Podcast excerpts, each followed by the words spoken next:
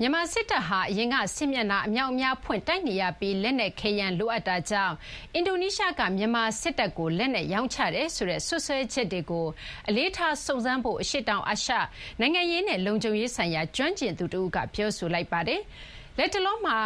လိုင်ဇာအနီးကစစ်ရှောင်စခန်းတခုကို တိုက်ခိုက်တာကြောင့်ကလေးငယ်တွေအပါအဝင်အရပ်သားတွေသေဆုံးခဲ့ရလို့မြန်မာစစ်တပ်အပေါ်နိုင်ငံတကာကပြစ်တင်ဝေဖန်နေချိန်လည်းဖြစ်ပါတယ်။ကိုငိမ့်ချမ်းအေးကတင်ပြပါမယ်ရှင်။အင်ဒိုနီးရှားကမြန်မာစစ်တပ်ကိုလက်နက်ရောင်းချတယ်ဆိုတဲ့လူ့အခွင့်အရေးအဖွဲ့တွေရဲ့စွပ်စွဲချက်အရင်ဘက်ကထွက်လာချိန်မှာမြန်မာပြည်တွင်းမှာရောနိုင်ငံတကာမှာပါလှုပ်ခတ်ခဲ့တာပါ။ ထူးသဖြင့်စစ်တပ်ရဲ့အရပ်သားတွေထိခိုက်စေတဲ့တိုက်ခိုက်မှုတွေရှိနေချိန်မှာမြန်မာဒီမိုကရေစီအရေးအင်တိုက်အားတိုက်လုပ်တယ်ဆိုပြီးနာမည်ကောင်းရတဲ့အင်ဒိုနီးရှားကိုဆွဆွဲခံရတာဖြစ်လို့ပါဒီပေါ်မေကွန်ပြန်လဲထုတ်ကြတာတွေရှိပေမဲ့ Washington DC National War College ကပမောက္ခဒေါက်တာဇက်ခရီအပူဇာကတော့အင်ဒိုနီးရှားကာဝေးရေးဆိုင်ရာစက်မှုလုပ်ငန်းတွေကလွတ်လွတ်လပ်လပ်လုပ်ပိုင်ခွင့်တွေရှိနေလို့ဖြစ်နိုင်ခြေရှိတယ်လို့ VOA ကိုပြောပါတယ် They have worked with Myanmar in the past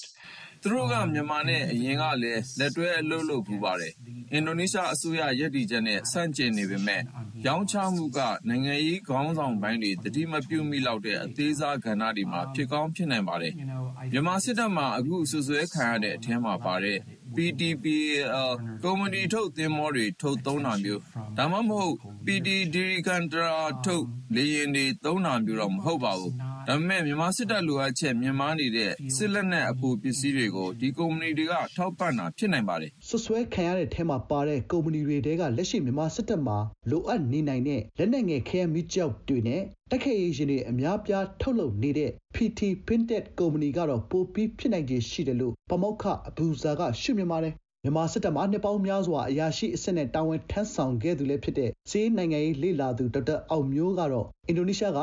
2021ခုနှစ်နောက်ပိုင်း မြန်မာစစ်တပ်ကို စစ်လက်နက်ပစ္စည်းတွေ ရောင်းနေဆိုတာ မဖြစ်နိုင်ဘူးလို့ သုံးသပ်ပါတယ် မြန်မာစစ်တပ်ကို ရောင်းနေဆိုပြီးဆွဆွဲတဲ့ စစ်လက်နက်ပစ္စည်းတွေကနိပညာဘိုင်းရအရန်မြင့်တာတွေ မဟုတ်ဘဲ မြန်မာပြည်မှာထုတ်လုပ်နိုင်တဲ့ ပစ္စည်းတွေ ဖြစ်တာကြောင့်ဆွဆွဲချက်ကအတိတ်ပဲရှိလားဆိုတာကိုတန်တရားရှိတယ်လို့ ဆိုပါတယ် အဲ့ဒီ အင်ဒိုနီးရှားရောင်းပါတယ်လို့ဆွဆွဲတဲ့ ပစ္စည်းတွေကလည်း ဘာမှ ထူးမခြားနာပစ္စည်းတွေ ဖြစ်နေတယ် အဲ့တော့ကျွန်တော်အနေနဲ့ကတော့မဖြစ်နိုင်ဘူးတကယ်လို့ပိတ်လို့ဘာဖြစ်မလဲပိတ်လည်းဘာမှမဖြစ်ဘူး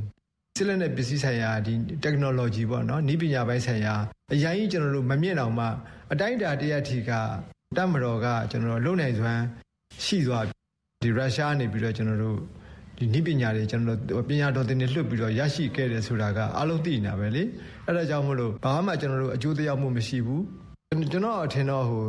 ဒါကဟိုလောက်ကြဇလန်းတစ်ခုလို့တောင်ကျွန်တော်အဲ့လိုထင်တယ်ပေါ့နော်မြန်မာစစ်တပ်ရဲ့ကပ္ပစစစ်လက်နက်စက်ရုံတွေကနေလက်နက်ငယ်ကြီးမော်တာဟောက်ဝဇာအမြောက်ကြီးကနေဂျက်တက်ခဲရေးလေရင်သုံးဘုံသီးတွေထိထုတ်လုပ်နိုင်နေတာကိုပမောက္ခအဘူဇာကလည်းလက်ခံပါတယ် ဒါပေမဲ့ထုတ်လုပ်နိုင်စွမ်းကအကန့်အသတ်ရှိတယ်လို့သူကထောက်ပြပါတယ်။ Uh the Myanmar military has never had to fight on so many different fronts at the same time. မြန်မာစစ်တပ်ဟာအခုချိန်လောက်မျက်နှာစာအများကြီးမှာတပြိုင်တည်းထဲတိုက်ပွဲတွေတိုက်နေရတာမျိုးအရင်ကမရှိခဲ့ဘူးပါဘူး။ဒါကြောင့်သူတို့ဟာမကြုံစဘူးခရမ်းမိကြောက်တွေလိုအပ်နေတာပါ။ဒါကြောင့်ပြည်တွင်းထုတ်လုပ်တာနဲ့တင်မလုံလောက်ဖြစ်နေတာမျိုးကောင်းကောင်းဖြစ်နိုင်ပါတယ်။သူတို့တရုတ်စီကနေလက်နက်ခဲယမ်းအထောက်ပံ့ရှာကောင်းရှာမယ် အိန္ဒိယစီက ရှာကောင်းရှာနိုင်ပါတယ် တကယ်တော့ စစ်တပ်အာဏာသိမ်းပြီးနောက်ပိုင်း မြန်မာစစ်တပ်ကို လက်နက်ရောင်းချတာမလုပ်ဖို့ ကုလသမဂ္ဂ အထွေထွေညီလာခံမှာ မဲခွဲဆုံးဖြတ်ခဲ့ရမှာ အင်ဒိုနီးရှားက ထောက်ခံမဲပေးခဲ့တာပါ အခုဆွဆွဲချက်တွေကို အင်ဒိုနီးရှားအနေနဲ့လေးနဲ့ထအရေးယူဆောင်ရွက်ဖို့ မျှော်လင့်ကြောင်းဂျာကာလာအမျိုးသားညီညွတ်ရေးအစိုးရ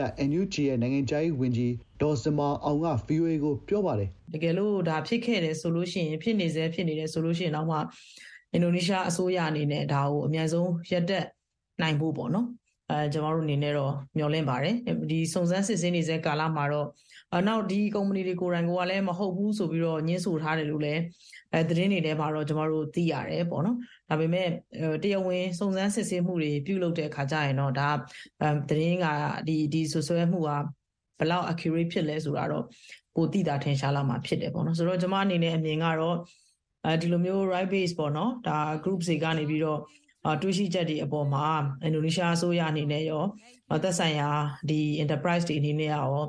ဟိုလေးတစားနဲ့တော့ live ပါဆောင်ရွက်လိမ့်မယ်ပူးပေါင်းဆောင်ရွက်လိမ့်မယ်လို့ကျွန်မအနေနဲ့တော့မျှော်လင့်ပါတယ်အာဏာသိမ်းစစ်တပ်ပေါ်ဒေသတွင်းအာဆီယံအဖွဲ့ဝင်နိုင်ငံတွေကြားအမြင်တွေကွဲပြားကြသလိုစစ်လက်နက်နဲ့ငွေကြေးဖြတ်တောက်ရေးဒဏ်ခတ်ပိတ်ဆို့ရေးအပိုင်းမှာလည်းအာဆီယံအဖွဲ့ကြီးတစ်ခုလုံးအနေနဲ့ခြုံပြောရင်တချို့နိုင်ငံတွေကအားနည်းနေသေးတယ်လို့ NUG နိုင်ငံခြားရေးဝန်ကြီးဒေါ်စမအောင်ကရှုမြင်ပါတယ်အဲ့တော့တချို့နိုင်ငံတွေကတော့ individual member state တွေအနေနဲ့ပုံမှန်လင်းလင်းအဲပြင်းပြင်းထန်ထန်ထုတ်ဖော်ပြောဆိုကြတာတွေရှိပါတယ်ဒါပေမဲ့ခုနလက်တွေ့ပေါ့နော်လက်တွေ့နိုင်ငံရေးအရထုတ်ဖော်ပြောဆိုတာမျိုးမဟုတ်ဘဲနဲ့တကယ်ထိရောက်တဲ့အဲဟာမျိုးလဲကျမတို့ဖြစ်ဖို့လိုလိုတယ်မူအရတော့ပြောထားတယ်ဒါပေမဲ့လက်တွေ့မှာကြတော့တည်တည်ချာချာကြက်ကြက်မက်မက်ဒီမူကို implementation လုပ်ဖို့ mechanism ဘိုင်းမှာဒါမှမဟုတ်အားထုတ်မှုဘိုင်းမှာ